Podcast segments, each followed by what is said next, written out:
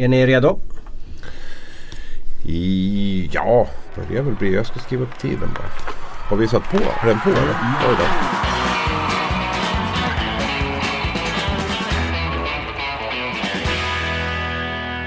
Äntligen måndag får man ju säga och det är dags för eh, Hockeystudion att podda igen. Sitter här som vanligt i vårt eh, ryska eh, poddrum på Schibstedhuset här i centrala Stockholm och är med, med Mikael Tellqvist och eh, Hans Abrahamsson. Vi är redo, nu kör vi igen, äntligen. Och du har alltså varit uppe i Dalarna i helgen här Tellqvist och Ja. spikat och, och varit händig. Ja vi har rivit, eller rivit mera ska jag säga. Vi har rivit en gärdsgård som behövde fixas till och sen rivit ett tak i ett badrum så att eh, Nu går det inte att se men jag har faktiskt fått ett skavsår mellan fingrarna här så att det så, så mycket brukar jag göra hemma Du hade inte handskar på dig alltså eller? Ja jag hade jag också men eh, återigen det, Handskarna räckte inte, ja det, det, Du de, är käns, de är känsliga på dig så kanske det gått bättre. Då. De är känsliga Du förresten, jag såg att Jonas Levén 48 år stod, upp, stod uppskriven som tredjemålvakt i, i, i Leksand där. mm. Om Djurgården ringde och sa er, vi har- vi har problem här på en hemmamatch, våra juniorlag är borta. Eh, skulle du kunna tänka dig att ställa upp då som, som namngiven tredjemålvakt om, om Adam börjar känna sig småkrasslig eller någonting? Då skulle jag säga att jag är långt ifrån eh, Sverige den dagen Alltså det är nervositeten att se att någon målvakt blir skadad också och försöka få hoppa in liksom, Den tror jag Den skulle kännas sådär Faktiskt om jag ska vara lite ärlig Och Abris, eh, hur har din helg varit? Mycket bra. Vi har haft lite träningsläger med grabbarna uppe i Ljusne faktiskt. Så att, eh, det var en höjdarhelg på alla sätt. Det där med ryskt poddrum har jag aldrig förstått. Vad, vad, vad är anspelningen? Det är gardiner och det är, det är ganska otrevligt och det är lite dov belysning. Eh, vi sitter ju på ett bord som är beklätt med, med eh, bomull och en, en tjock duk här så att säga. Liksom då. Och Anledningen till det är ju inte att det ska vara ett, ett trevligt rum utan det ska vara en bra miljö för att spela in ljud. Det vill säga ljudvågorna ska nog inte studsa, ska nog inte eka utan jag hoppas att ni som lyssnar på det här upplever att det är bra ljud och det är på grund av att vi sitter i ett ryskt poddrum typ. mm. Ja det är väl färgerna på stolarna också, allting matchar vi inte riktigt som jag tänkt på Ryssland Jag kommer ihåg att vi hade rosa toalettpapper när vi var i Ryssland också Det var så här en jättegrej liksom på hotellrummen Det var lite så här halv, halvvidrigt Stämde det när jag var i Ryssland att det satt så här babusjkor utanför och rullade om toapappret?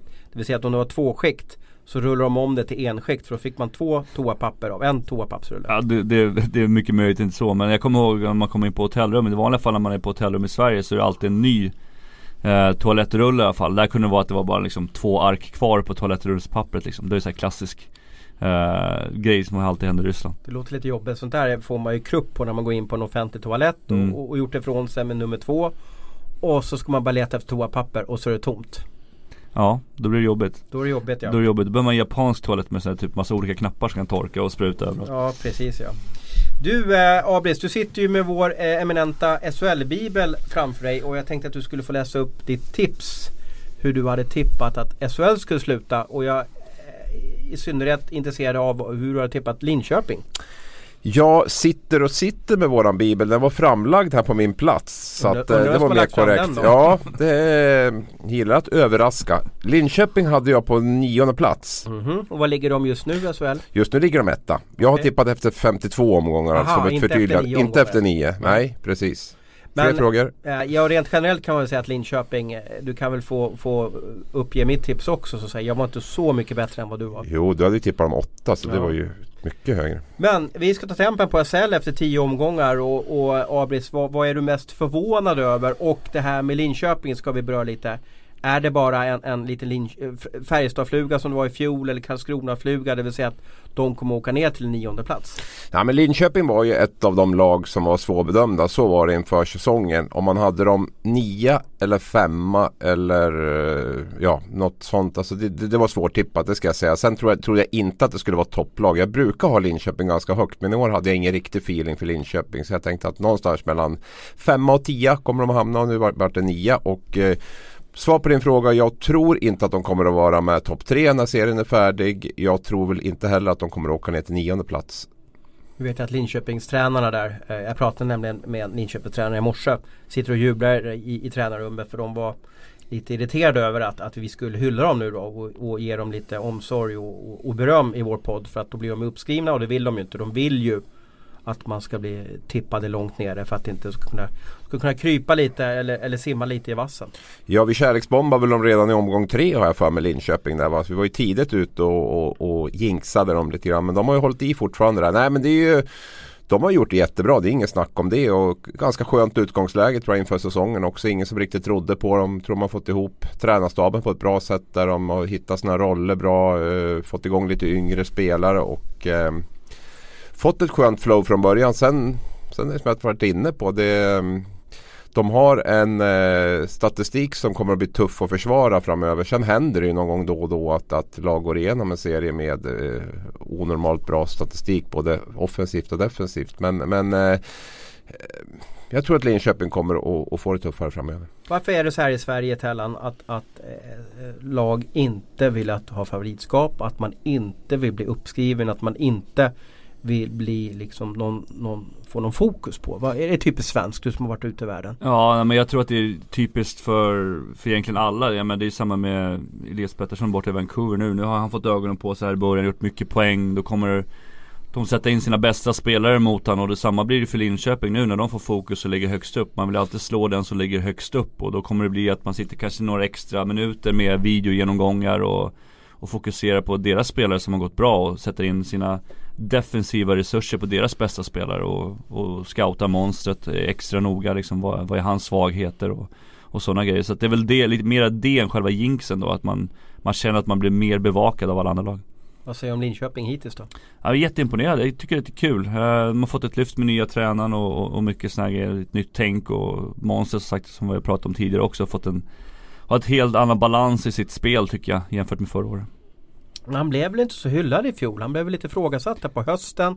Jag tror han var ifrågasatt egentligen hela året men det, det är svårt att komma, det vi var inne på redan förra året i podden också att vi, Det är svårt att komma från Nordamerika, han har inte spelat, han har inte varit nummer ett och, och spelat varenda kväll utan Skillnaden att vara nummer ett Det är ju hur man förbereder sig för match. Det är inte bara att gå ut och spela liksom. Du, du, återhämtning, hur du ska äta, sova. När du är underkeeper så Spelar du en match, sen spelar du inte på en vecka igen liksom. Då, då kan man om ursäkta uttrycket, slarva lite mera med sådana här grejer för du vet att du har en vecka på dig att återhämta dig till nästa match. Mm. Eh, Linköping för mig är ett väldigt speciellt lag. På något sätt så har Linköpings karriär i SHL och min karriär på Sportbladet gått lite hand i hand. Vi, vi, vi, när de gick upp och började jobba på Sportbladet en gång i tiden så har jag sett dem på något sätt ta steg varje år och de var väldigt tidiga med en ny arena där. Först hette den ju Cloetta Center och sen hette den ju då eh, Saab Arena nu. Eh, och jag är ju fascinerad över hur de var väldigt nära under några år där med Mårtensson och Weinhandel men föll då på, på, på mållinan eh, och gick till SM-final där. Men eh, nu verkar det som att de har mindre budget än tidigare men har på något sätt i alla fall fått ihop det. Eh, och det de säger till mig, de som jobbar med Linköping dagligen det är att de har en, en drivande kaptensgrupp där med, med, med Karlsson och, och Ed Larsson och Månsrätt som sätter ganska hård press på de övriga laget. Lite det som man kanske sa var Djurgårdens storhetstid när du kom upp i Djurgården en gång i mm. tiden. När, när veteranerna sa att så här uppträder vi i Djurgården, så här gör vi, vi accepterar inget annat. Och det är viktigt att få in och jag tror att Linköping är på väg att få in en sån kultur i laget. Man har, blir inte det här äh, Silverköping-kulturen utan man vill vinna, man vill ta revansch. Mm. Och det är intressant just det här med att man har minibudget. Jag har ju Malmö som är exakt likadant som ligger också toppen av, av ligan som har byggt det här mer lagkänslan. I Malmö så har de ju valt då att, liksom, att de inte ska ha några spelare som inte förstår svenska till exempel. Att de bygger på det, att alla ska kunna förstå varandra och, liksom, och hänga med varandra på ett helt annat sätt. Och det, uppenbarligen så handlar det inte alltid om pengar hur man får ihop grupper utan det handlar om dynamiken i gruppen, hur man sätter ihop. Så där vill man ju hylla Sylvegård och dem också när man sagt ihop den här gruppen. Tror du att, tror att Linköping kommer hålla Abis inne på att de inte blir topp tre när vi gör bokslut efter 52 omgångar? Vad, vad är din dom över Linköping. Nej men nu ligger de så pass högt upp så att jag ser liksom ingen tendens på att de kommer falla för mycket. Däremot så tror jag att de kommer falla lite grann. Men jag skulle säga att de slutar en femma, sexa i alla fall.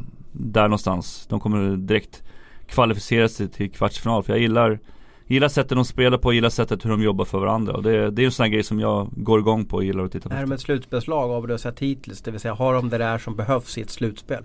Ja men det är väl lite det som varit tveksamt tidigare, att de har haft väldigt mycket skickliga spelare som varit bra under grundserien och sen när det väl kommer till slutspel så har de eh, tänkt på så mycket för semester eller vad det nu kan vara liksom de här importspelarna. Det gäller, ja men det gäller att få de här importspelarna liksom att tänka att de vill stanna kvar hela vägen. Eh, så att eh, det är väl det, så får vi se vad som händer.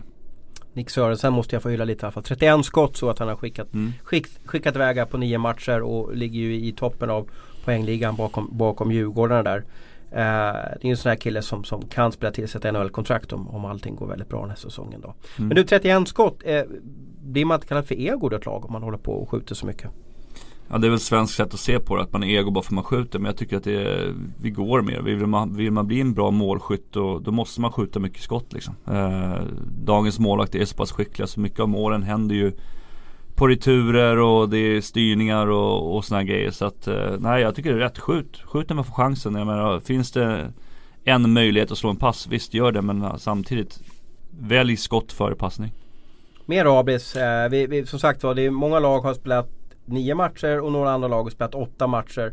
Eh, igen, temperatur, besiktning SHL hittills. Vad, vad tycker du är anmärkningsvärt? Ja men alltså Färjestad är ju jätteanmärkningsvärt. Eller jätteanmärkningsvärt kan jag inte säga. Men, men, men med tanke på hur de var tippad så, så är ju det den gigantiska floppen så här långt nu. Nu ska vi vara noga med att det är 8-9 matcher tycker jag. Att, att de håller till där nere. Rögle fanns det ju också förväntningar till. Där tycker jag ändå det är mera lite mer väntat på ett sätt i och med att både Sjögren och Matt Anderson inte är eh, disponibla där och kan användas så, så blir det blir lite tunt tycker jag Rögle. Jag satt och kollade på dem i torsdags mot Örebro och då vann de visserligen. Men, men där känner man ju att eh, ja, de, utan de två spelarna så är de, är de inte bättre än, än botten fyra Rögle och nu ligger de allra sist. Men, men Färjestad måste man väl ändå säga är, är anmärkningsvärt.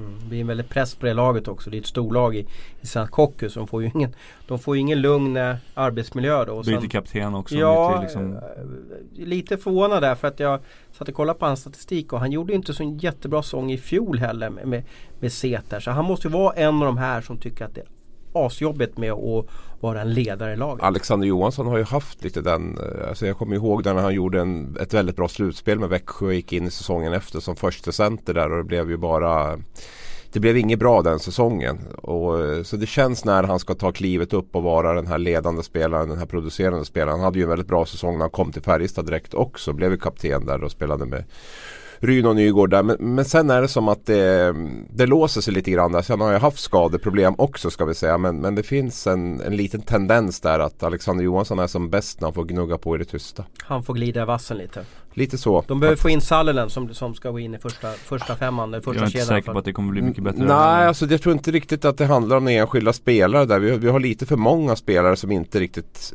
presterar i det där laget. Eh, Jag tänker på alltså Martin Johansson och Viksten också som, som gjorde 40-45 poäng i SHL för några år sedan. Hur mycket finns det kvar där? Hur mycket kan de producera? Men, och det man funderar på med de här som, att det är så många som inte levererar det, det handlar ju också lite grann om tränarstaben där. För det var ju år två nu och det var ju lite grann nu man skulle ta ytterligare ett steg då från den här lovande starten som ändå man måste säga att det var förra året. Eh, men det har ju blivit lite tvärtom och där, där sätter jag frågetecken för hur, hur Tror du de hänger lite löst eller?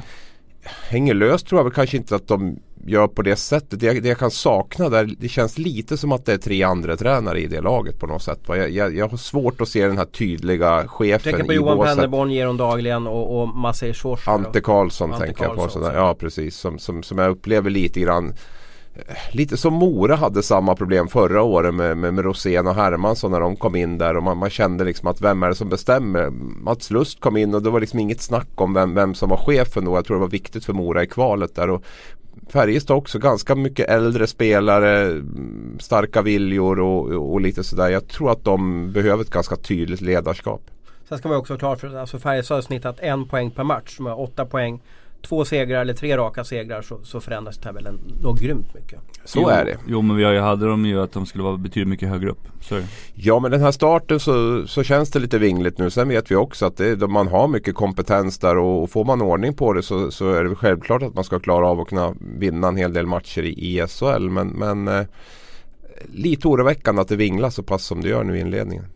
Eh, Rögle är väl det laget är vi överens om det som kanske har överraskat mest negativt? Eh, kan vi säga att vi, vi är överens? Ja, jag skulle vilja hävda Färjestad så här långt Okej. om vi bara tittar efter 8-9 matcher. hade du Rögle i i Ja, jag hade Rögle 8 eller 9. Ja, Okej, 9 men hade jag Linköping. Ja, jag har ju facit. Jag har 8. center där. Nej, 8. Åtta, ja. 8, ja. Ja. Och eh, ja, nej men det, men det var ju som jag var inne på att tar man bort de där två första och andra centern som det var tänkt. Nu kan man ju jag trodde faktiskt att Rögle hade bättre koll på den fysiska statusen hos Mattias Ja, Sjögren jag än vad det var. alltså. Jätteförvånad. Jag trodde det var liksom proffsigare, mer noggrant än att man skriver ett fyraårskontrakt när det tydligen är så pass illa som, som det är. Och, Han har väl knappt tränat på hela 2018?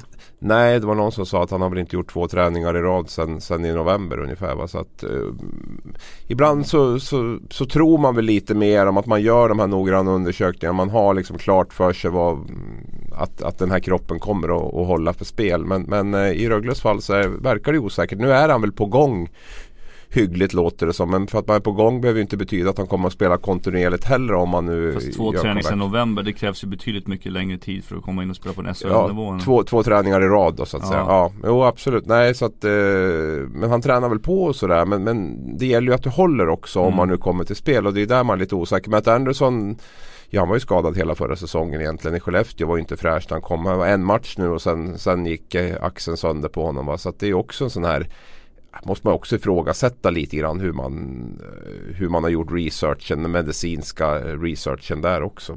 Det, jag, Ja precis, har han flugit, har han flugit över och ko- kollat axeln innan han, man signar honom liksom? 36 år också. Va? Så Mm. att, ja, nej, det, det är, men visst, visst är det en besvikelse Rögle, det, absolut. Och det, samtidigt kanske lite väl hypade.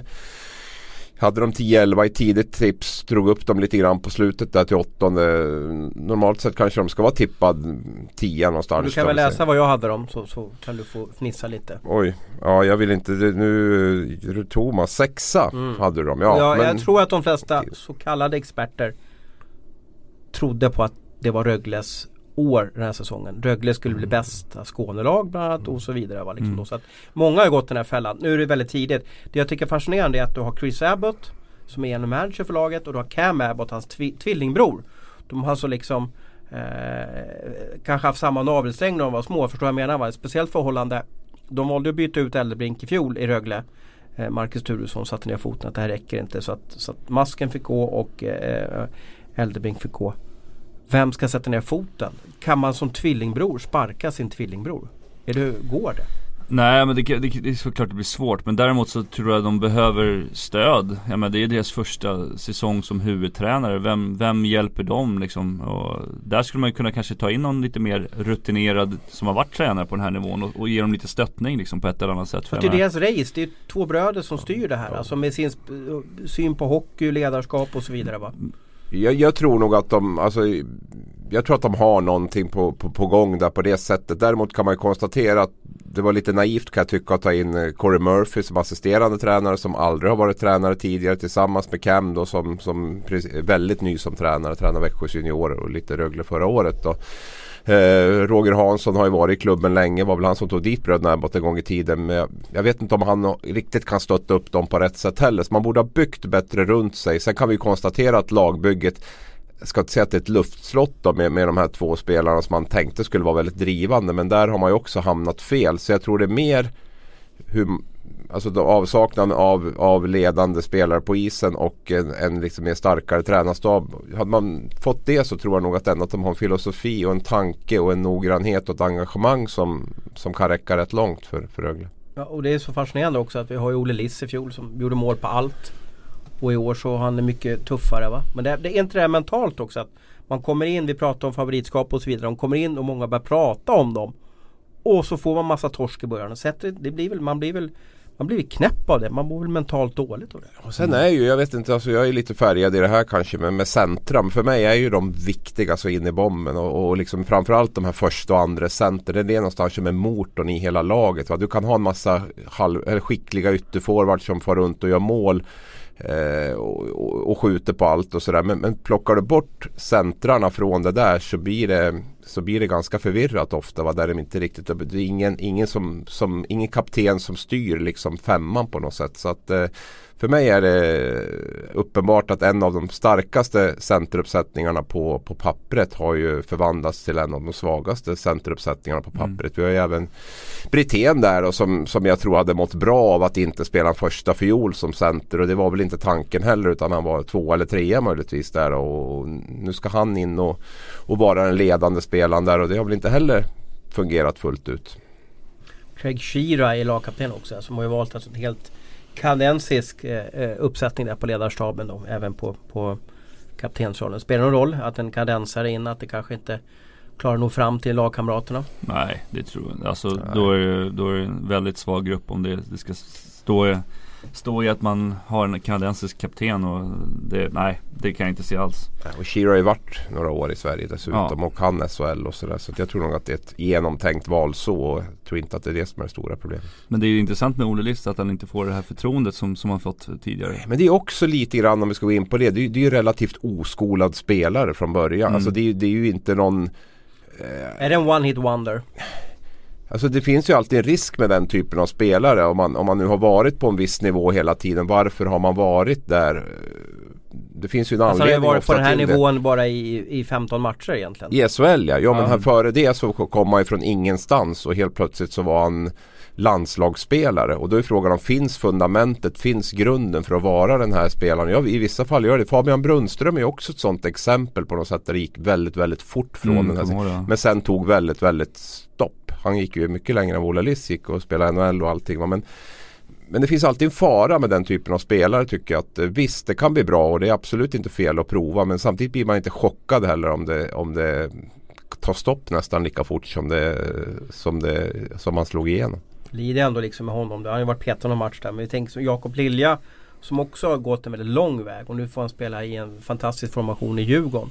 Mm. Uh, nu, nu slår ju han Ja och det är ju lite här med centrarna. Jag menar Jakob Josefsson ihop med Jakob Lilja. Jakob Lilja är en sån spelare som jag känt att han borde göra 20 mål i SHL. Men det har inte funkat. Han har aldrig fått sån roll? Nej men han har mm. haft lägen också tycker jag i Linköping. Alltså han har skapat, han har haft målchanser så här, men han har ju inte gjort mål. Jag tror Djurgården har gjort mycket jobb där också med att få igång hans målskytt. Och det handlar ju, vi som följer Garpenlövs målskytteskola vet ju att det, det händer väldigt mycket på den punkten när det gäller hur man gör mål och hur man kan flytta målvakten vad, vad som händer. Flyttar du pucken två decimeter hur mycket det förändrar eh, var du kan skjuta och, och sådana saker. Så att, jag, jag, tror att Djurgården har, dels har han hamnat ihop med en väldigt bra center och, eh, och, och, sen tror jag att Djurgården har jobbat mycket med hans målskytt. Jag skulle vilja säga det också att ja, Olle Liss ihop med Jakob Josefsson Kanske har varit samma effekt. Kanske som... hade varit väldigt bra också. Men just de här spelarna är Vissa ytterforwards är väldigt beroende av att man har centra som sätter upp dem. Som, som talar om lite var de ska vara i banan, hur de ska åka, var de ska befinnas och sådär. Eh, lite fördomsfull där men, men ytterforwards behöver lite mer styrning än övriga spelare. Och där vet jag att, bara för att flika in här så vet jag att Micke Musse Åkesson jobbar extremt mycket med just målskyttet. Han var ju extremt skicklig själv som målskytt och assist och sånt. De jobbar ju på det efter varje träning med målvaktstränaren och de snackar Vi snackade väldigt mycket när jag var där just om var ska man skjuta någonstans. Eh, Henke Eriksson som gjorde hattrick för ett tag sedan Han sa, skickade direkt efter matchen liksom att ja, vi har ju stannat efter varje träning och talat om var vi ska skjuta någonstans och sådana grejer.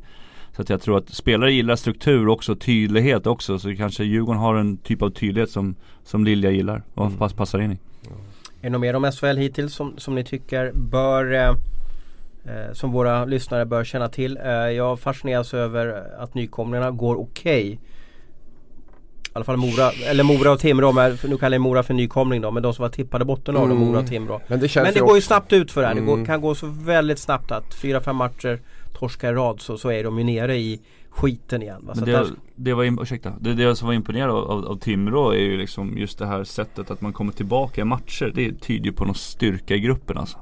Uh, man ligger under med 2-0 mot Djurgården efter först var det fem minuter någonting. Och många lag blir då livrädda och ska bara liksom mura upp framför mål så det inte rinner iväg. Utan de tar tag i spelet igen och sätter press på Djurgårds backar som slarvar lite grann. Men får ändå in och har en jämn match. Hade Svedberg haft en normal match i den matchen så hade det kunnat bli mycket jämnare. Sen är ju inte SHL omgång 1 till 10 för mig på något sätt. Utan det är ju omgång 20 till 45 när det bara smattrar med matcher där och det är relativt tufft motstånd varje mm. match. Och, och, och, du ska gå ut och leverera och du får se till att inte hamna i de här negativa trenderna när det bara byggs på med förluster. Och det, det är där någonstans man kan ju säga vad man vill om att det inte är något toppkvalitet och så i, i den här ligan. Men, men, men när väl den här torktumlaren börjar där. November. Ja men börjar där någonstans. Det är ju då, det är då någonstans vi skiljer ut övre halvan från den undre halvan. Topplag från bottenlag och så. Och, eh, där tror jag att de här lagen som på pappret har eh, minst spets kommer att få, kommer att få det tufft. Sen Hollander, eh, Olofsson i Timrå, vi ska prata om ja, dem. De åker på JVM här, de ja. är borta i Vancouver. Mm. Är det nio timmar skillnad till, till Ja visst och de åker ju två veckor innan turneringen börjar också. Turneringen pågår två veckor och sen, menar, och sen har de tidsomställning och, och en tuff turnering och, och jobba sig kapp med det. Så jag skulle vilja säga att det handlar om fyra, fem, kanske nästan upp till sex veckor innan de är eh, helt åtställda igen. Spännande, vi får se. Det är nu, det, nu, nu börjar lite racet i alla fall och det är väl nu också som, som bottenlagen inte får vara bottenlag för länge till för att annars så kommer den här paniken spridas i klubbledningen och man kanske väljer de här äh, livlinjerna och sparka tränare eller, eller, eller kicka spelare och så vidare. Det blir ju den där paniken. Vi har väl inte nämnt Malmö, men det är klart imponerande två på en andra plats där och då har de ju fått tillbaks Nilstorp. Jag var lite orolig att hans skadehistorik skulle fortsätta men där har man ju fått tillbaks honom då till säsongstart och man kan varva de här två toppmålvakterna och Kombinerat då med ett väldigt, väldigt intränat och starkt försvarsspel som man har jobbat på under hela Peter Anderssons tid och till och med före det. Så att, eh, Viktigaste personen i laget, vi är återigen inne på det. Men, ja, men det båda klart. målvakterna ja. i Linköping och Malmö är ju liksom, det ser ju en tendens där. Och fast har väl, eh, och Andrén har väl gjort det helt okej okay. Växjö ja. också. Sen att Växjö bara gjort 11 mål eller var det på 8 matcher. Det är ju det är svårt för målvakterna att göra så mycket mer. Jag tror de har släppt in 11 mål Växjö också. Va? Så att det är... 11-11 eh, precis. Ja, ja. precis. Att, men, där är inte jag orolig. Jag tror att målskytt kommer att komma Nej men det man kan säga är att de behöver ju få in, alltså nu är Kiskinen varit borta hela säsongen. De tappar Rosén och Pettersson redan innan säsongen. Så att det, de, har ju, de, de har ju bara eh, tappat mycket offensiv kraft där och eh, jag tror också att Evertsson måste nog ut och, och, och plocka på lite mer. För Juntil har inte alls levererat än. Ortega har inte levererat heller. Nej, Nej, men Juntila var ju en lite sån här sen värvning som skulle komma in och ge lite energi, ge lite poäng och sådär. Har han tappat fokus, Evertsson? Nej det tror jag inte men, men jag tror att de, nej det tror jag absolut inte men däremot så, um, så var väl olyckligt med Kiskinen skadade för han var väl den stora forwardstjärnan egentligen nu mm. när de här två var borta. Så att, att han var skadad var ju, var ju väldigt olyckligt och uh, i redan tunn forwardsuppsättning för det var vi väl överens om allihop att det skulle komma in två, ett par forwardsvärvningar också. Nu när Juntila inte har slagit än och Kiskinen är borta så blir det ju blir det väldigt tunt. Han inte du Ortega förresten uppe i poängtoppen? Ja, ja. Bara, skicka bollen tillbaka över ja, dig. Nu sitter precis. och uh, hackar fram och tillbaka. Men det är det här typiska att det är en sak på, på försången, en annan sak kanske när, när SHL drar igång. Sen har det ju liksom, det har ju inte riktigt funkat för de har ju inte fått ihop det i powerplay och så vidare. Sen, sen är det ju bara att kanske hylla Elias Pettersson också. Hur stor han är eller hur mm. viktig han var för, för Växjö i fjol. För det var ju han som gjorde det avgörande hela tiden tack vare lite Roséns passningar. Så att säga. Nu, har de, nu har de inte det vapnet längre. Nu är det andra som ska kliva fram. Sen är det ju skillnad, det måste vi också se på Champions Hockey League och SHL. Alltså det, man sätter ju mycket mer press på, på, på spelarna i SHL än vad man gör i, i Champions Hockey League. Det är mer utspritt liksom. Mm. Det är mer juniorhockeyaktigt liksom.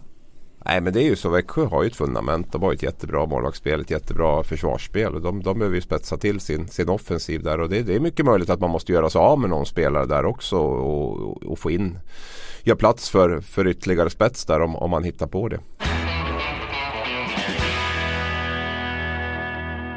Ja tyvärr så händer det ju ibland tråkiga saker inom hockeyn eh, och den 3 oktober tacklades Bodens nyckelspelare Tommy Varg illa.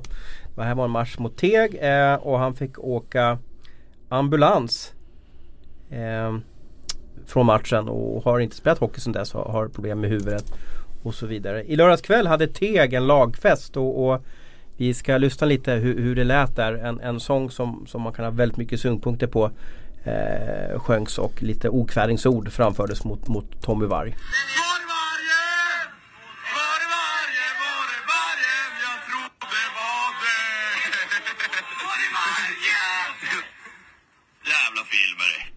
Ja Tellqvist, vad, vad, säger du om det här? Är det, det här är bara, är det här, funkar det så här i, i på, på hockeylagens fester? Nej, alltså jag känner inte igen det här och tycker att det är extremt jobbigt att se såna här grejer. För att jag, jag tycker man ska ha respekt för motståndarna efter matchen är klar. Eh, klart man ska ha respekt under matchen också. Men just när matchen är avklarad och man märker att en spelare gör sig så pass illa. Eh, så tycker jag att man ska vara mer noggrann med vad man säger. Eh, de har till och med filmat det här. Det kan man ju ifrågasätta hur, hur pass smart det är också. Eh, är det ett samhällsproblem eller ett hockeyproblem?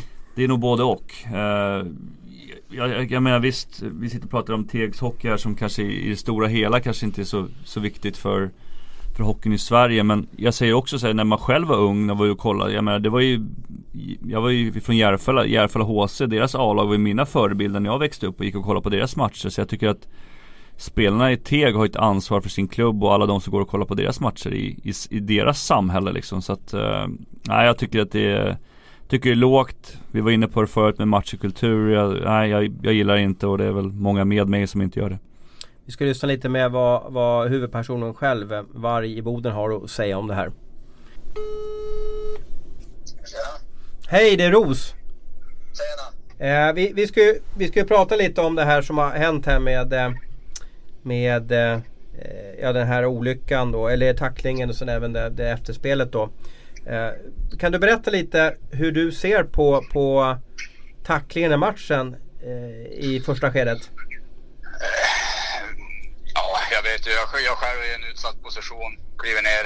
Eh, sen tycker jag ju, eh, sen säger jag inte om det är en ful tackling eller så, men respekten kan ju diskuteras tycker jag. Eh, att jag är i en utsatt position och han väljer att fullfölja en meter från sargen jag tycker man kan hålla igen lite grann och, och visa lite, lite mer respekt. Risk för, för allvarliga skador. Hur, eh, hur, hur mådde du där efter smällen och så? När du... Eh, smällen direkt så känner jag ju att, precis som jag har problem fortfarande, eh, att jag har ju känselbortfall i, i vänster, vänster hand. Den känner jag, den var ju borta hela handen då. Eh, nu är det bara tummen som är kvar som jag kämpar med att få tillbaka. Eh, sen eh, hade jag ont i nacken. Som jag fortfarande har och det som har hållit mig borta från spel nu senaste veckan. Var det någon ifrån eh, Teg där som, som hörde av sig efter matchen eller som jag beklagade det som hade hänt? Eh, jo, spelaren som eh, han bad om ursäkt. Eh, det gjorde han per sms. Men det, men det som har upprört mest nu det, det är ju det här med eh, den här filmen och deras liksom varghån mot dig som har spridits. Hur ser du på det? Eh, ja, där kan man ju också snacka om respekt men eh, jag har inte lagt så mycket vikt över det. Eh, det är väl mer, mer mina lagpolare som har, har blivit mer upprörd.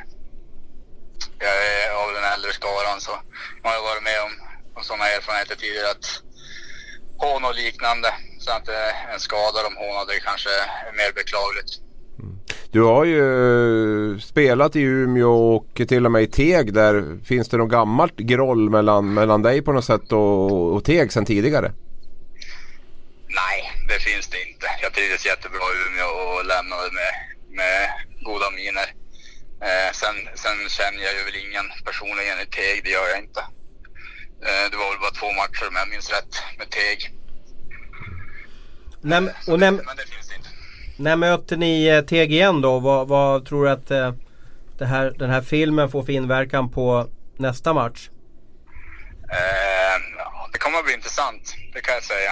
Eh, det kommer att bli tufft, stenhårt. Eh, det kan jag lova att det blir. Eh, sen såklart kommer vi inte det sjunka en sån låg nivå som att försöka skada någon. Men det är såklart det kommer att finnas lite tändvätska av den här grejen. Varför händer det så mycket runt Boden just? Du har ju varit där nu, det är väl din tredje säsong, eh, kom in mitten där halva där. Var, var, varför är det ofta Boden inblandade mycket? Även om det är nu ni som är, inte är skyldiga så att säga. Uh, ja, jag hoppas det inte beror på mig i alla fall. nej, det är nog men, ingen som uh, tror.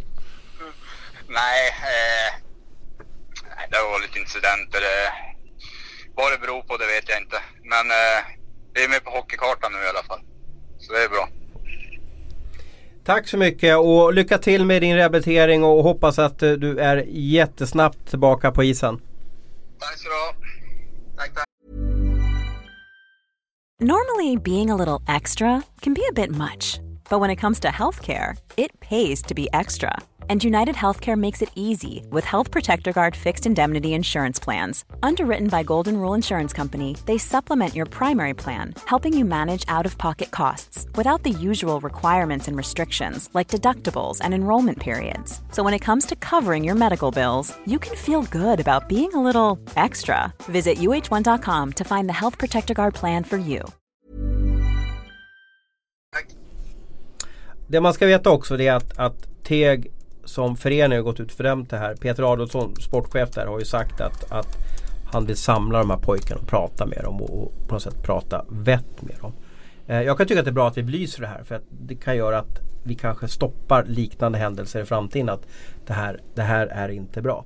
Men du menar på Tellan att det här är ingenting, när, när ni har fester så att säga. Liksom, ni, ni står inte och hoppar med, med suspen på huvudet och, och, och, gör liksom fjantiga grejer om man säger så. Ja, det är klart det händer fjantiga grejer men det här känns jävligt, jäkligt alltså, omodernt och liksom oproffsigt som, som, som jag sa. Ja, men de har ju ett ansvar också för, för sin bygd liksom eh, och sådana grejer. Eh, jag tycker att vi har varit inne på det tidigare här med att man kanske till och med som, som klubb nu kan ta avstånd på det här på ett fint sätt och liksom åka runt och föreläsa om det i skolorna som finns här och jag vet Abris var inne på det här tidigare också snackat om att just när man, det kan bli straffet liksom att man pratar om att man inte pratar om andra människors sådana grejer. Att när någon gör sig illa eller någonting att man liksom eh, på ett annat sätt.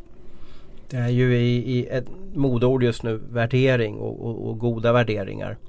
Eh, jag, Abris, jag har en känsla av att den här Hockeyettan Nord eller Hockeyettan Norra är väl korrekt på det. Att det är lite, lite Ontario Hockey League över det här. Att lite High Chaparral där uppe. Det känns som att det smäller lite överallt. Där, framförallt när Boden har varit med. Jag vet inte, de har en väldigt intressant TV här med tränare som uttalar sig om dittan och dattan och, och, och, tacklingar hela tiden och så vidare. Va? Är, det, är det tuffare klimat där uppe i den där serien? Jag måste väl erkänna att jag har inte full insyn riktigt där men, men det är ju som du säger att det har ju hänt ganska mycket runt just där Boden har varit inblandad och deras tränare eller före detta tränare Petter Larsson Nilsson och Robert Norberg är väl där också. Nu var det väl i det här fallet så var det väl de som, som varit utsatta för någonting. Eller också är det väl så att journalist journalisterna kanske är lite vassare där uppe och gräver fram den här typen av grejer. Jag, jag vet inte, det kanske händer lite överallt men att det är man är lite mer på hugget där, där uppe och, och eh, får fram de här grejerna. Eller om det finns ett större intresse av klubbarna att, eh, att eh, meddela till journalister att det, att det händer den här typen av grejer. Sen kan väl jag tycka med det här enskilda fallet Ja, det är några fyllskallar i en lägre division som beter sig på ett jäkligt bedrövligt sätt naturligtvis. Där man, där man hånar en, en, en, en eh, motspelare då som man har knockat på isen först med en ganska vidrig tackling också. Samtidigt så kan jag väl jag skulle inte vilja påstå att det är ett generellt problem inom hockeyn. Då, då kan jag väl hellre lyfta fram det som hände med Almen Bibic här i Linköping. Patrik Blomberg i Timrå tacklade honom. Inga, ingen oschysthet alls utan Bibic gick in i lite konstigt situationen och blev knockad. Och fick ju enormt mycket kärlek på, på sociala medier från fans från hela Sverige egentligen som, som, eh, som, som lyckönskade honom. Och jag vet ju att Almen Bibic är normalt sett ingen populär spelare när matcherna väl pågår. Men, men när det väl liksom händer grejer och när det väl blir allvar så, så känns det ändå som att det finns en ganska schysst och skön ton bland, bland hockeyfans eh, från alla lag. Där jag såg den här Rögles eh, hyllning till Oliver Mattsson där också inför derbyt var ju liksom hjärtskärande också. Men har SHL kommit längre här vad man kallar för Jo men du kan nog alltid hitta Ja du kan nog alltid hitta liksom, jag menar, ju längre ner du kommer i systemet ju, ju mindre seriösa idrottsmän blir det på något sätt. Jag menar, då har man en lördagsfylla och man liksom dansar runt och spelar in med någon mobilkamera där man, där man sjunger och, och jag tror säkert att det pågår på att det händer då och då i, i den typen av serier där jag svårare faktiskt att tro att, uh, att det händer uppe i SHL. Även om vi har varit med om vissa filmer också där uh, Stefan Liv har, har, har hånats också av, av uh, på, på vissa segerfester och så. Men, men nej, generellt så känner jag nog ändå att man kan även lyfta fram att det finns en, en värme också i, i hockey. Det är bra att du kommer ut för jag tror att de här pojkarna har lärt sig väldigt mycket om det. Hade det inte kommit ut så tror jag att de mm. mest bara hade gått vidare. Ja, nej, men, men det är jättebra att det kommer de ut. De kommer ju aldrig mest att sjunga sådär. Det finns ju ingenting att försvara i det och det sänder säkert signaler till andra också att man, man gör inte sådär. Sen är det ju smått perverst det här att man ska spela in allting nu också. Spelas väl in allt från våldtäkter till sådana här grejer till allt möjligt och läggs ut. Så att, eh, det är väl en del av det klimatet vi har idag. Att det, det är tydligen någon, det triggar lite extra att spela in och lägga ut på, på sociala medier. Och, och att man överhuvudtaget, att det här kommer ut är ju också osmakligt. Samtidigt så finns ju någonting positivt av det här som vi pratar också. Nu har ju Teg chans att göra någon värdeförändring i sin klubb och i det samhället de bor i. Liksom att de här spelarna får ta ansvar för det de har gjort också. Som jag sa, liksom, ut och prata skolor, prata i organisationer, att man skriver liksom kontraktet i, i, i klubben att så här beter vi sig inte.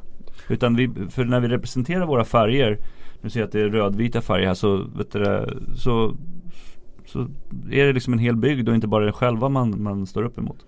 Ska man inte tänka så här också? Hade jag velat att andra sjöng så här om mig och hur vill jag att andra behandlar mig? Vill jag att någon står och filmar mig när, när, när jag gör sånt här? Eller vill jag att folk, andra människor eh, skulle bete sig och sjunga så här om mig? Alltså det är väl så man får tänka. Hur vill jag bli behandlad av andra människor? Så Mm. ska jag behandla dem. Räcker Precis. det inte? Tänker man bara Ja, så absolut. så är man ganska bra med i samhället. Absolut, jag håller med. Ja, grävande journalistik, att vara reporter på en kvällstidning, morgontidning eh, eller en sajt. Hur funkar det? Vi, vi har fått en del frågor. Hur, hur, hur, hur får ni information?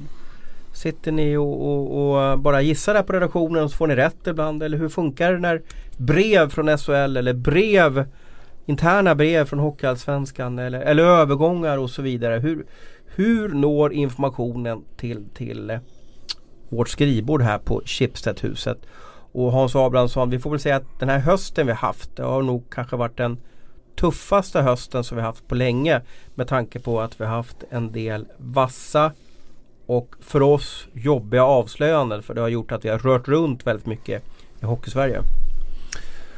Så är det nog ja. Och eh, som svar på din fråga om vi nu kan ge några tips till nya sugna unga journalister så, så handlar det väl egentligen om att ringa, ringa, ringa, prata, prata, prata ungefär. Det, det är väl det det handlar om. Det kommer jättesällan, i alla fall till mig så kommer det jättesällan så här sparvar bara flygande rätt in i munnen där man bara kan få värsta nyhetstipset eh, serverat. Utan det är, det är så tråkigt så att det handlar faktiskt ganska mycket om hårt jobb måste jag säga. Det är i alla fall min erfarenhet av det. Jag tänkte jag skulle kolla hur många kontakter jag hade i telefonboken här. Vi ska se om jag har. Mina, mina har dubblats av någon anledning. Så är det någon som vet hur jag får bort det så för någon uppdatering så dubblades alla Jag har kontakter i telefonboken. 1952 kontakter har jag med telefonbok. Mm. Men du känner ju alla Ros. Ja men Ja. alltså jag jag påstår, jag håller med dig om att det där är ju nyckeln att, att nu, nu har ju samhället förändrats. Alltså, det är ju inte bara en telefonkontakt utan man kan ju eh, skicka direktmeddelande via a- typ alla appar som finns idag.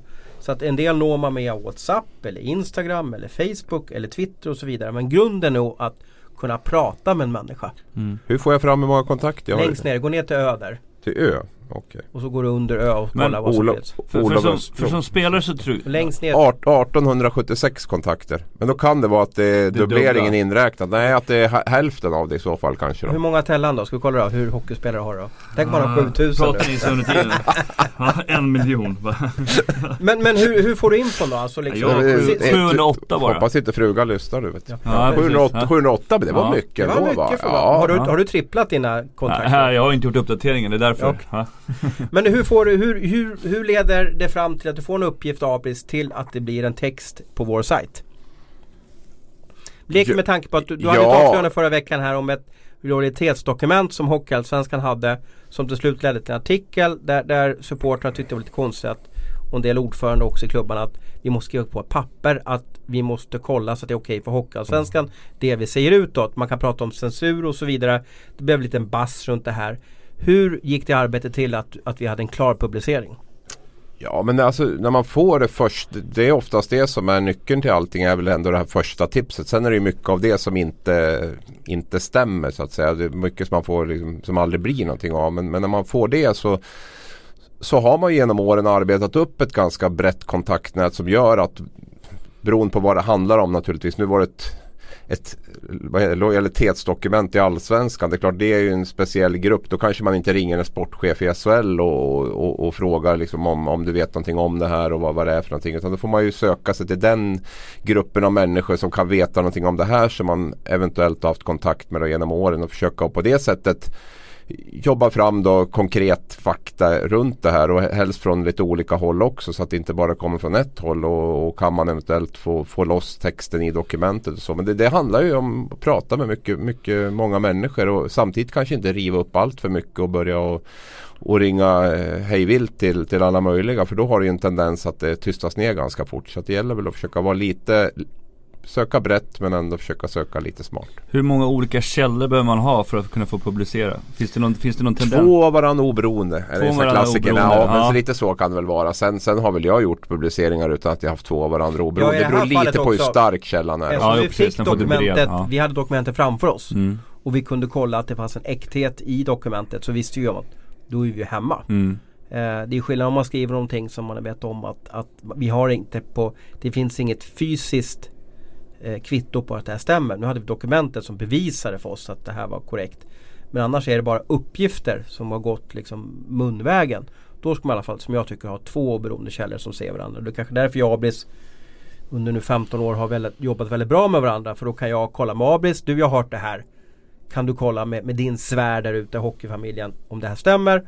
Och så kan vi dubbelköra, kontro kontrollera mm. vad, sa, vad sa hon, han eller hen och jag också. Och så samkör vi uppgifter och så kan vi kanske leda fram till en publicering som vi vet om är ytterst nära sanningen. Sen är det ju också så att man får chansa mer idag än vad man gjorde förut och det beror ju mycket på att vi, det blir allt vanligare eller allt vanligare men det händer i alla fall oftare tycker jag att, att eh, de man pratar, alltså de det gäller ljuger i stort sett rakt upp i ögonen på vissa håll. Vi har väl ett väldigt bra exempel med Leksands nya VD här som, som varit intervjuad av Dalarnas Tidning tror jag det var och eh, om att han skulle bli ny VD i Leksand och, och totalnekade till allting och sa att det inte är aktuellt och det, så kommer det inte bli möjligtvis om tio år och sånt och sen någon vecka senare så presenterade samma och det där är ju, jag ska inte säga att det är jätteovanligt utan det, det, det kan hända då och då. Om vi fått en hundring varje gång som någon ljuger för oss så hade vi varit rika Ja och det finns ju fortfarande, eller finns finns ju en, en, del människor som tror det att om jag nekar så skriver de inte. Och jag menar om man nu hamnar i en sån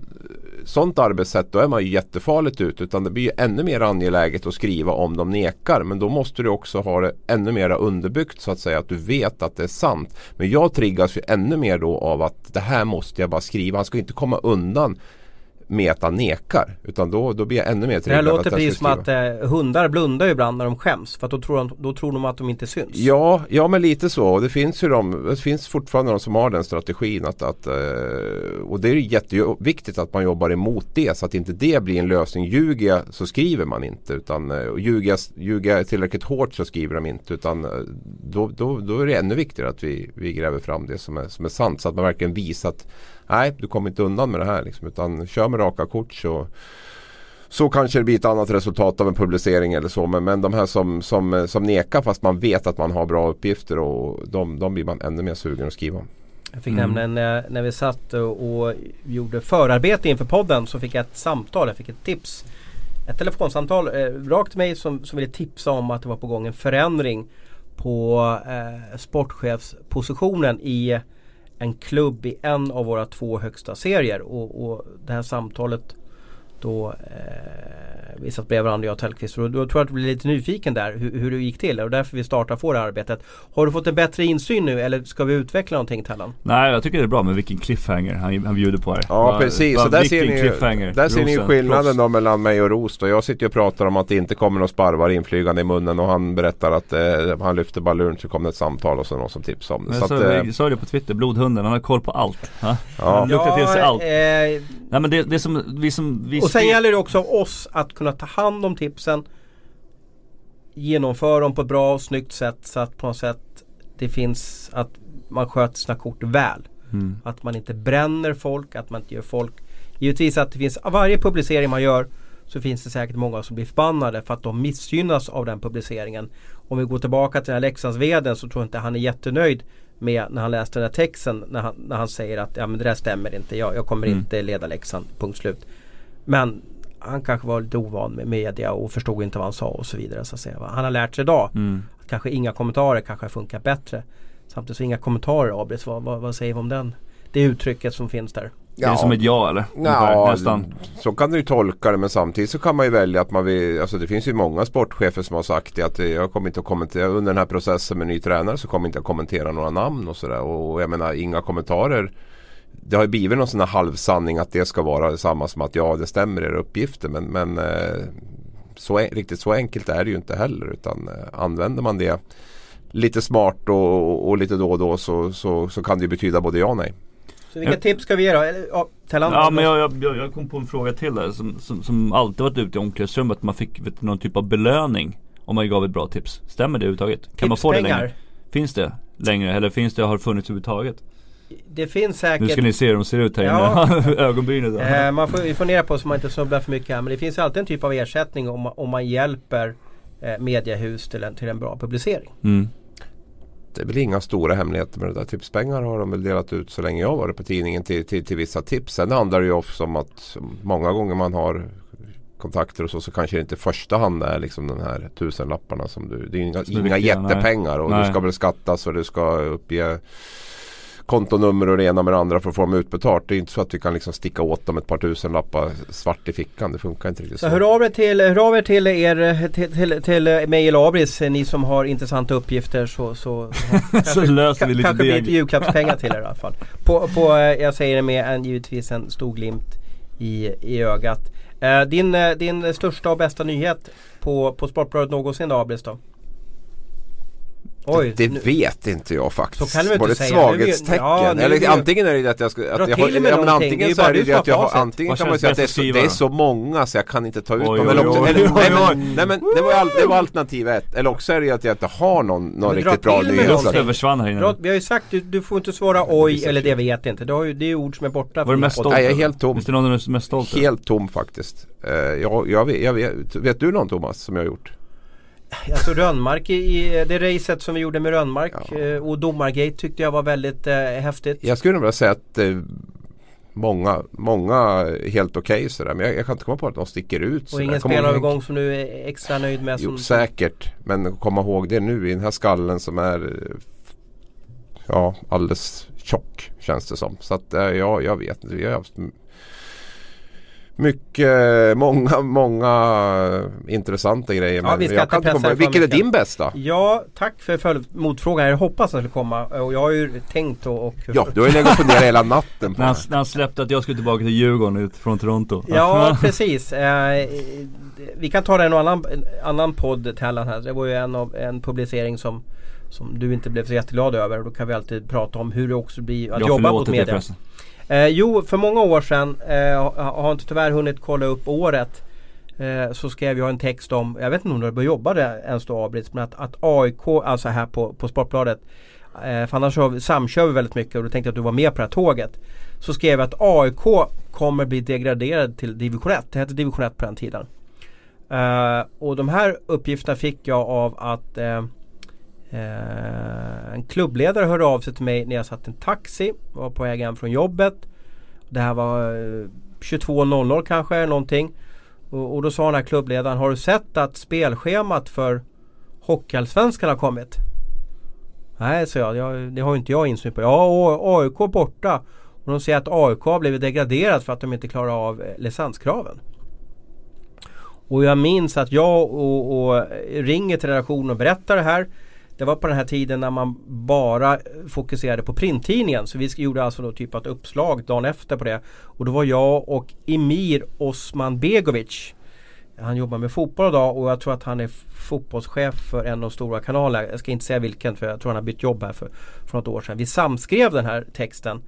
Och sen dagen efter så vart, kom det ut då att AIK blev degraderat och de överklagade och så vidare.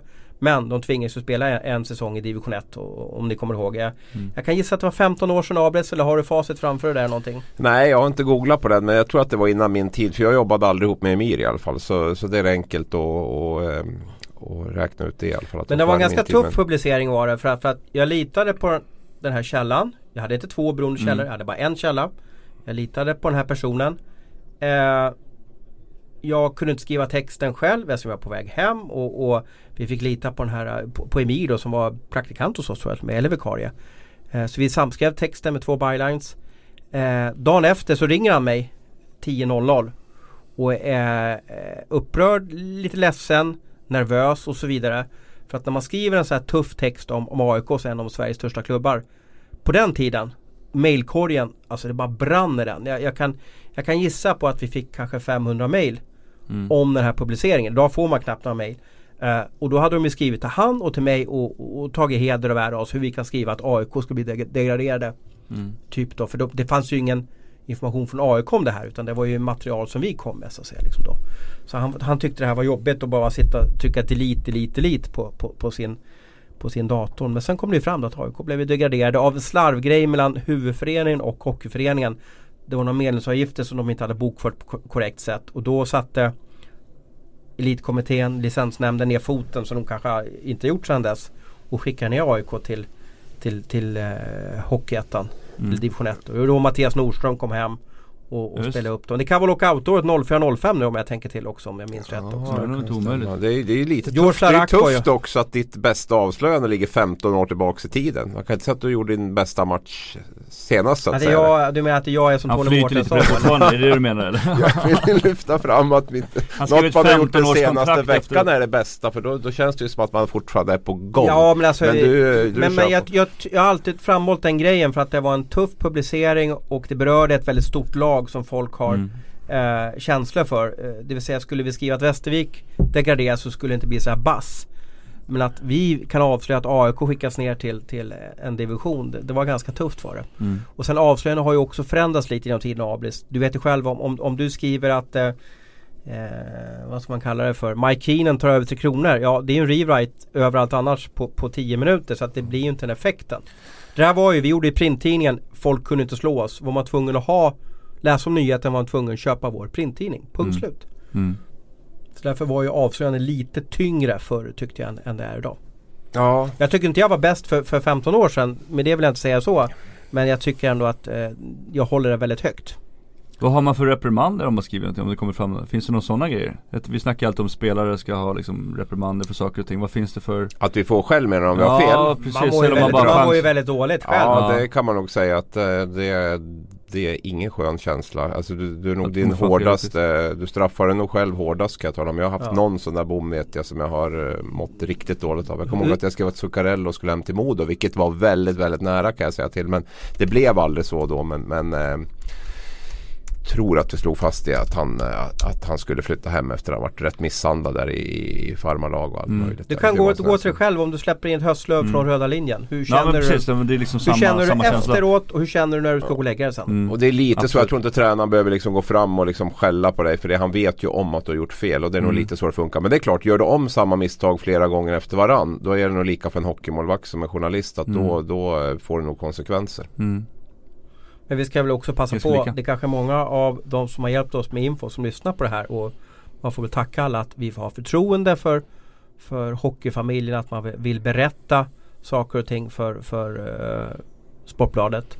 Och det är kul att få de här informationen. Så vi får Och det är viktigt. Är det, Ja. Ja, det är viktigt att det belysts. För vi är en del av, av eh, hockeyfamiljen. Eh, utan texter, avslöjanden med mera så, så sjunker intresset lite för hockeyn. Det måste jag påstå i alla fall. Och så kan vi väl be om ursäkt för alla gånger vi har ringt och tid och otid och terrat dem. också. När har du ringt någon som senast då?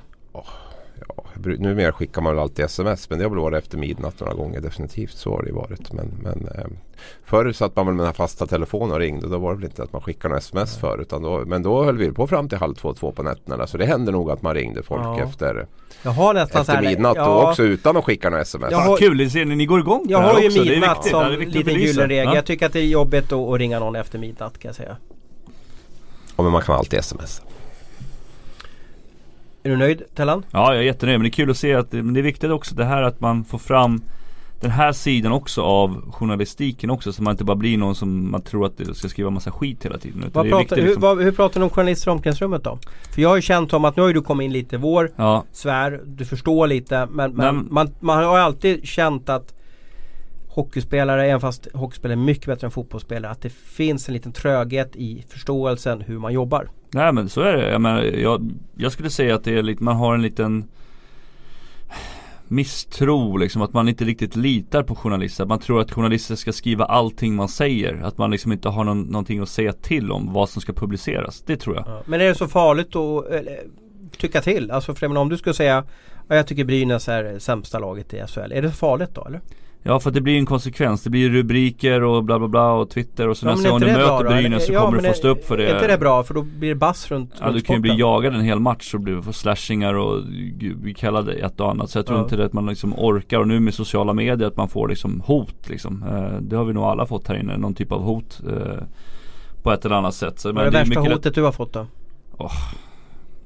Det är så, så tråkigt att säga men det är väl att man ska, ska döda dig eller någon sån här grej. En motståndarsupporter som tyckte att du gjort för bra räddning eller, eller Ja eller, men det kan ju vara något uttalande man gjort eller att man tycker att man ser ut på ett speciellt sätt eller att man liksom ja, Oftast är det ju kommentarer man säger liksom. Eh, För ändå är ju du är en, och det här var när du var aktiv målvakt. Ja absolut. Men ändå är du en mål, det är ju inte så att du åker och tacklar folk, eller hur? Så att du rädd, försöker bara rädda puckar åt ditt lag. Det är ju inte så att du är elak mot några andra spelare. Nej men det är, väl som, det är väl någon som har stört sig på någonting som jag har gjort eller vad som helst eller hur jag dricker vatten. Det kan vara liksom, det, är- det är jättesvårt att, att förklara hur folk tänker där ute liksom när det gäller saker och ting. Och jag menar det, det såg vi bara i fotbolls-VM när någon gör ett misstag, man skickar ett S eller ut på Instagram och, och sådana grejer. Man, man, ofta så säger man ju saker när man är mitt uppe i någonting, man är liksom engagerad, man är arg liksom. Det är ofta då man skickar. När man har lugnat ner sig så, så är de flesta människor ganska vettiga och lugna liksom.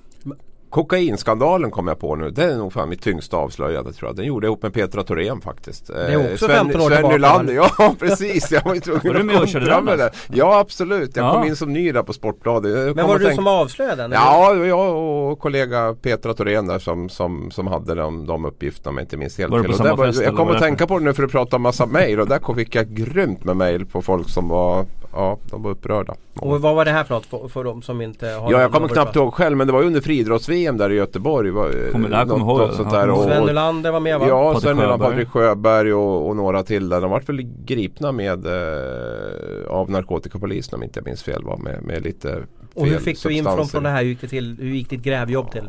Ja, det här var ju ett, eh, alltså jag vet inte om jag vill gå in riktigt på det här men det här var väl från början tror jag att det var ett anonymt tips. Det här är ju väldigt länge sedan nu men, men, ehm, men det var i alla fall ett tungt avslöjande som, eh, som jag som väldigt ny på Det Aftonbladet fick jag vara med och alltså. skriva. Och, eh, Men det är fascinerande väldigt stora här. konsekvenser för, Jag blir, för jag blir lite personer. orolig hur vi mår i det här rummet. Jag lägger fram min, min, min, min bästa pokal som var 15 år tillbaka. Abis likadant. När vi pratar om räddningar så, så pratar du om Curtis Joseph och allting sånt där. Vi kanske behöver göra ett generationsskifte i den här Ja, men jag tror också det är lite som du är inne på att de, man var king då liksom i ett dygn på den här papperstidningstiden. Det, det, det dröjde minst ett dygn innan någon kunde kontra på nyhet. Det var verkligen så det var Ja. då. Alltså, det, det, det, ja, det var ju nästa eftermiddag eller nästa lunch när, när kvällstidningen kom ut igen som, som, som Expressen eventuellt kunde kontra. Så man, man fick, kunde ju leva på på en nyhet mycket längre. Nu som Thomas var inne på, det är en rewrite direkt och sen åker den ju ganska fort rakt ner i källan på våran egen sajt också. Så att det, det är ju det är väldigt kort li- livslängd på, på avslöjanden. Din bästa räddning Tellan i karriären? Ja det måste varit 2001, nej jag Jag vet faktiskt inte. Men jag, har min, ja, men jag gjorde en riktigt bra. Jag la faktiskt ut på, nu har jag som gått och blivit Twitter här också. Och vad Jag heter det tjatar. där om du ska ge lite reklam så att vi får upp Tellan följare. 13 har det blivit. Eh, Varför det, valde du fa- 13? ja, det fanns inte 32, den var tydligen upptagen. Så jag valde Micke, Ahléns nummer i, i Södertälje. Men så du har valt alltså, eller Tellan 32 var, var det låter som så här fanskonto eller någonting. Ja. Det är ju en jättehylning till Alen. ja Ta hans verkligen. nummer i. Södertälje. Det är ju, det är ju stort på, Mm. på Twitter. Den är svår att lista ut just Tellan 13. Hur hittar till Tellqvist? Ja men det ska inte vara lätt att hitta Vem det. hjälpte dig med namnvalet då? Alen. Allén. Ja precis. När vi hade vår hamburgerfest jag säga. Ja precis, nej men Så att, uh, vad fan var vi någonstans? Bästa räddningen. Ja men jag gjorde en riktigt bra Faktiskt, jag var i Riga här ganska nyligen. Så det, var, det är bara en fem år sedan i alla fall tror jag. Ja, det är ett Hellan vi får hoppas på i framtiden. Mm, det är han som har eh, eh, Utvecklingspotential. Precis. Eh, Men du, hur hittar man igen sa du? Du sa alltså Tellan 13. Exakt. Tack för att ni var med idag och kom gärna med, med feedback till Tellan13 på Twitter eller, eller våra Twitterkonton. Eller skicka mail eller hör av er på sms eller, eller gör vad ni vill. Utan er, utan ni som lyssnar så är vi ingenting. Ha en riktigt trevlig dag.